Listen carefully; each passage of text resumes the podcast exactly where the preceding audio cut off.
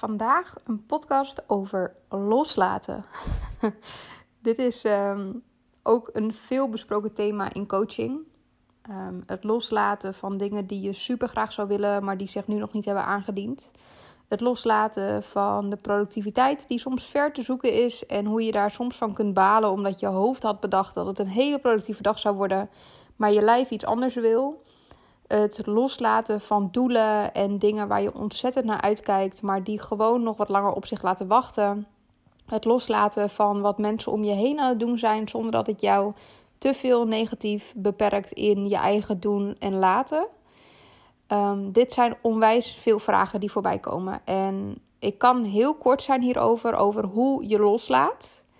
En dat is dat mijn ervaring is dat loslaten um, op zichzelf staand iets is wat vrijwel onmogelijk is.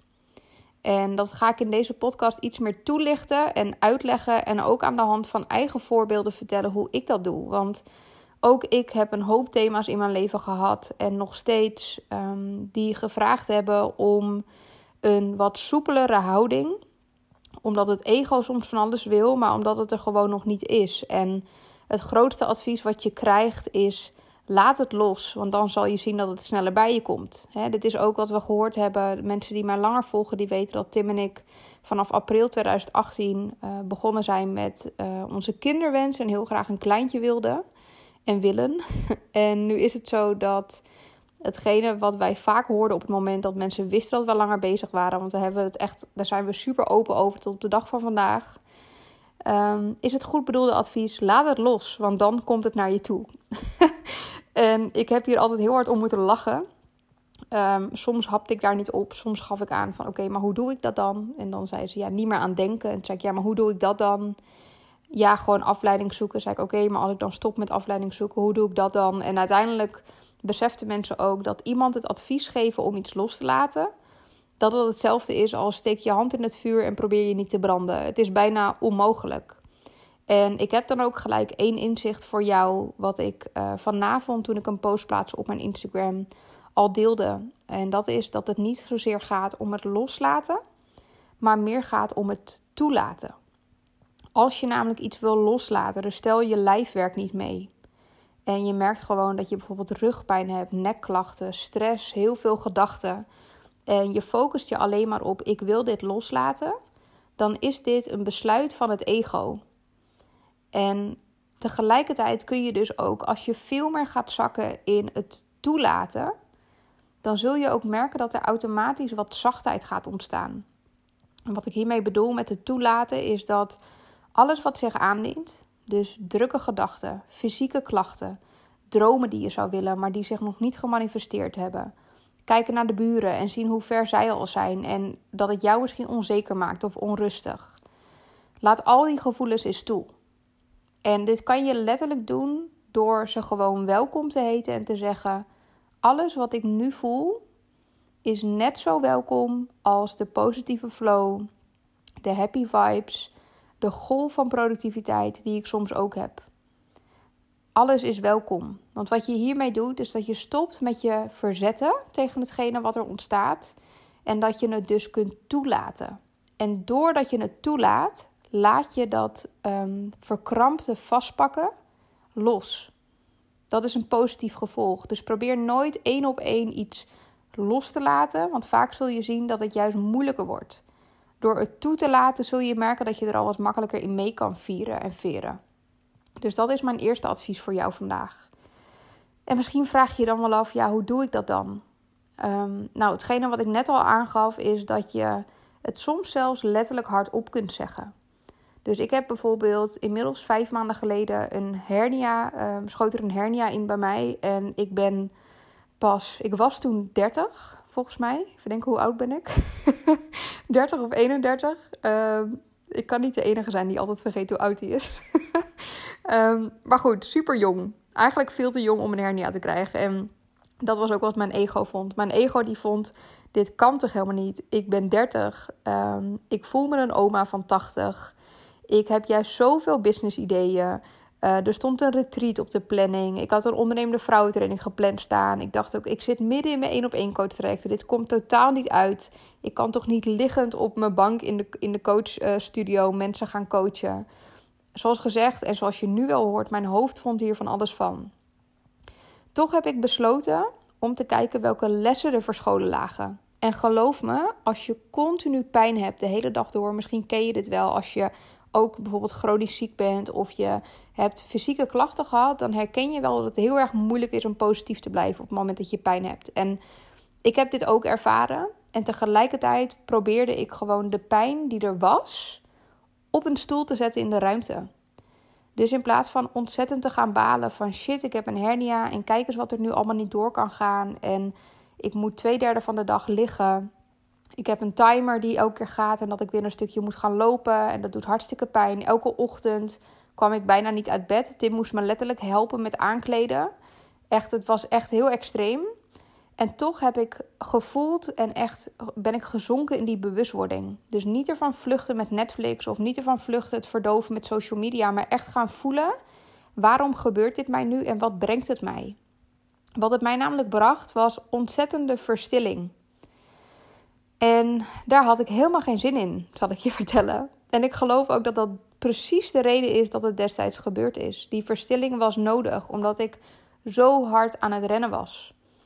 En dat is hetgene wat mijn hernia mij gebracht heeft. En daar kon ik alleen maar naar luisteren omdat ik het toe heb gelaten. En dat betekent echt niet dat ik hem niet een paar keer kut heb geroepen hoor. Want ik heb echt onwijze pijn gehad. En ik baalde echt ontzettend van alle dingen die ik niet meer kon. De meest simpele dingen. Ik heb drie maanden geen auto kunnen rijden. Um, kon niet meer hardlopen. Ik had net nieuwe skiers gekocht. En ik zag mezelf al helemaal gaan. Nou, dat ging hem natuurlijk ook never nooit worden. Ik kon zelfs niet meer yoga. Dus ik heb echt wel um, daar heel veel hinder van ondervonden, elke dag opnieuw. Maar het nodigde me ook uit om naar binnen te keren. Sterker nog, ik kon niks anders dan dat. Want dat is misschien wat jij ook wel nu ervaart, is dat wat er ook gebeurt in jouw leven en wat zich ook aandient, het is er toch al.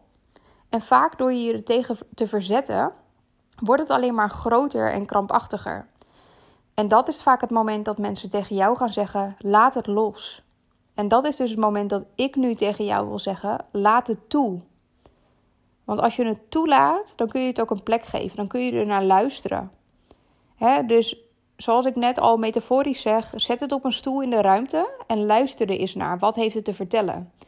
En ik snap misschien wel dat hè, je kan je hernia misschien als je niet um, goed kunt visualiseren of je kunt het niet helemaal goed invoelen of je zit heel vaak in je hoofd dan kan het ontzettend moeilijk zijn om iets op een stoel te zetten in de ruimte. Maar wat je anders zou kunnen doen, is gewoon eens een brief schrijven. Vanuit die pijn. Dus stel jij hebt lichamelijk pijn of je hebt uh, ongemak omdat je gedachten alle kanten met je opgaan. Of je hebt iets anders wat op dit moment, je hebt iets wat op dit moment anders loopt dan dat je zou willen. Eh, dat zou kunnen. Geef dat een stem. Dus pak pen en papier, pak je laptop erbij en begin te typen op, of te schrijven vanuit die stem van die pijn of vanuit die gedachte. En vergroot het maar uit, laat het er maar zijn. En ga maar door en kijk maar wat er boven komt. En misschien zit er een angst onder. Stel dat dit de rest van mijn leven zo blijft. Wat dan? Typ dan verder. Wat gebeurt er dan? En uiteindelijk zul je merken dat door al die gedachten op papier te zetten, dat het jou ook rust gaat geven. Dat is iets wat ik ook echt heb ervaren. Dat door het te laten zijn, geef je het een stem. En wat je hiermee ook doet, is dat je automatisch de dualiteit van het leven omarmt. Want het leven is niet alleen maar licht en leuk en vrolijk en leven en productief zijn. Het leven bestaat altijd uit twee, minimaal twee tegenhangers: leven en dood. Licht en donker, zon en schaduw, productiviteit, gas terug. er zijn altijd ehm, twee verschillende elementen die in elk gedeelte van je leven de kop op kunnen steken. En los van welke kant jij nu zit, dus misschien zit jij juist in een super lekkere flow en denk je, oh, deze podcast is niet voor mij op dit moment, misschien voor later. Of juist helemaal aan de andere kant van die medaille. Niets is voor altijd. En dat is ook goed, weet je wel. Het zou natuurlijk heerlijk zijn als altijd alles zou lukken. Als alles zou stromen. Als we eeuwig op vakantie zouden kunnen. En gewoon lekker met een cocktail in de zon kunnen genieten van dat we even niks hoeven. Maar vaak is weer die andere kant van het harde werken, het geld verdienen om dat te kunnen doen, die diepe dalen voordat je weer naar hoge pieken toe kunt, die zijn onderdeel van het leven.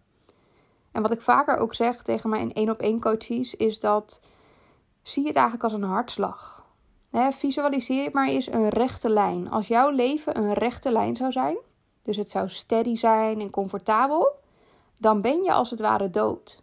Net als met een hartslag. Een hartslag heeft ook ups en downs. Ups, downs, ups, downs. En dat is het hele leven lang. En dat betekent dus ook dat dat onderdeel is van het leven. En dat we daar de strijd mee in kunnen, aan kunnen gaan, maar dat je het never nooit gaat winnen. Omdat het erbij hoort. Dus ik hoop ook echt dat de uitnodiging die ik jou net geef is om dingen niet te proberen los te laten, maar om ze toe te laten.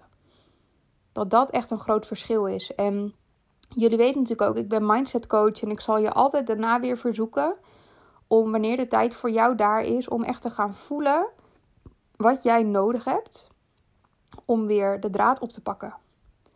Dus doorvoel alles wat er te voelen is. Eventjes. Schrijf het op en ga kijken welk scenario eruit komt, hoe erg het is als je echt rock bottom zou gaan.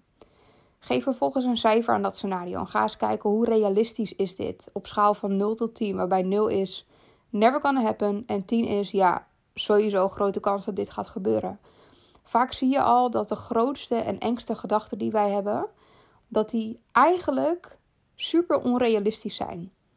En als we continu maar die gedachten blijven hebben, of als we ons zorgen maken over, zoals ik heb gehad met mijn rug, ik ben nog steeds aan het herstellen vijf maanden later, maar ik heb ook momenten gehad dat ik dacht: jeetje, Mina, wat als dit wel zo blijft de rest van mijn leven? Hè? Net als met onze kinderwens, wat als het ons nooit lukt? Of nu met die hernia, kan ik überhaupt wel een kind dragen? Dit zijn allemaal gedachten die bij mij ook continu de revue hebben gepasseerd. En ik wist ook, ik kan nu zeggen, ik laat het los en ik zie het wel. Maar soms kan het je zo in zijn greep houden dat je maar beter het kunt opschrijven en van je af kunt schrijven. En ik kwam er uiteindelijk achter dat toen ik dat allemaal ging opschrijven en ik dacht, ja, stel nou dat ik echt mijn hele leven lang last heb van mijn rug. Dan vind ik wel een manier. Weet je, dan ga ik vaker in de week naar de fysio. Ga ik yoga doen? Zorg ik dat ik vaker op een dag moet stretchen? Stel dat onze kinderwens nooit in vervulling zou gaan, wat dan? Ook dat heb ik opgeschreven. Nou, we zijn nu al dolgelukkig met z'n tweeën. Dus ik weet zeker dat we dat ook altijd zouden blijven. En tuurlijk heb je dat gemis. Maar het was niks wat we niet zouden overleven. We gaan er niet dood aan. en het klinkt nu alsof ik het bagatelliseer. En dat doe ik niet, want tuurlijk zit hier ook emotie bij. En uh, soms uh, hoop en vertrouwen en soms weer helemaal niet. Maar het belangrijkste is, is dat dit onderdeel is van het leven. en wat Eckhart Tolle ook altijd zegt, ik citeer hem vaker, is alles waar wij bang voor zijn, is vaak een projectie van ons verstand. En wat ik daarmee bedoel is een projectie van je verstand gaat vaak over de toekomst. Dus het is een projectie van iets wat jij denkt dat wel of niet gaat gebeuren. En dat is fantasie, want het heeft zich nog niet aangediend. En dat tegelijkertijd dat alles wat zich in het nu aandient. Dus stel dat nu blijkt dat er iets aan de hand is, dat er shit on de knikkers is, dat je het inderdaad niet gaat redden, dat er fysiek iets is, iets wat, wat zich aandient, dan los je het altijd op in het moment. Want dat is wat wij doen. En toch zijn we 9 van de 10 keer bezig met alles wat er nog op ons pad gaat komen. Alles waar we bang voor zijn. Alles wat misschien zou kunnen gebeuren. Maar het is een projectie van je verstand. Het is niet de waarheid. Het ligt dichter bij fantasie dan bij de waarheid. Dus mocht je daar meer voor open willen staan en je zou meer die rust willen gaan ervaren, sta jezelf dan toe om eerst alles toe te laten wat je voelt. Schrijf het op en geef het een stem. En vervolgens kun je het gaan beoordelen op hoe groot is de kans dat het echt gaat gebeuren. Dit kan je al helpen in het loslaten ervan. En stel dat je echt bang bent dat het gaat gebeuren, maak dan een opkrabbelscenario. En kijk dan wat je zou doen als het echt zo zou zijn. Als het echt uit zou komen. Dit gaat je onwijs veel rust geven. En het gaat je ook echt helpen om die hele dualiteit van het leven te omarmen. Zoals ik eerder zei, het is er toch al. En of wij ons er nou tegen verzetten of niet, soms gebeuren er nou eenmaal dingen die duister lijken, of die zwaar zijn, of die moeilijk zijn. Maar wat ik tegelijkertijd ook weet, is dat vaak dit soort momenten in mijn leven ervoor hebben gezorgd dat ik de persoon ben geworden die ik nu ben. de persoon met een goed lopend bedrijf. Ik ben al vijf jaar ondernemer. Ik heb de liefste mensen om me heen. Ik heb grenzen leren aangeven. Ik heb van mijn lichaam leren houden. Dat, dat komt allemaal door de moeilijke momenten.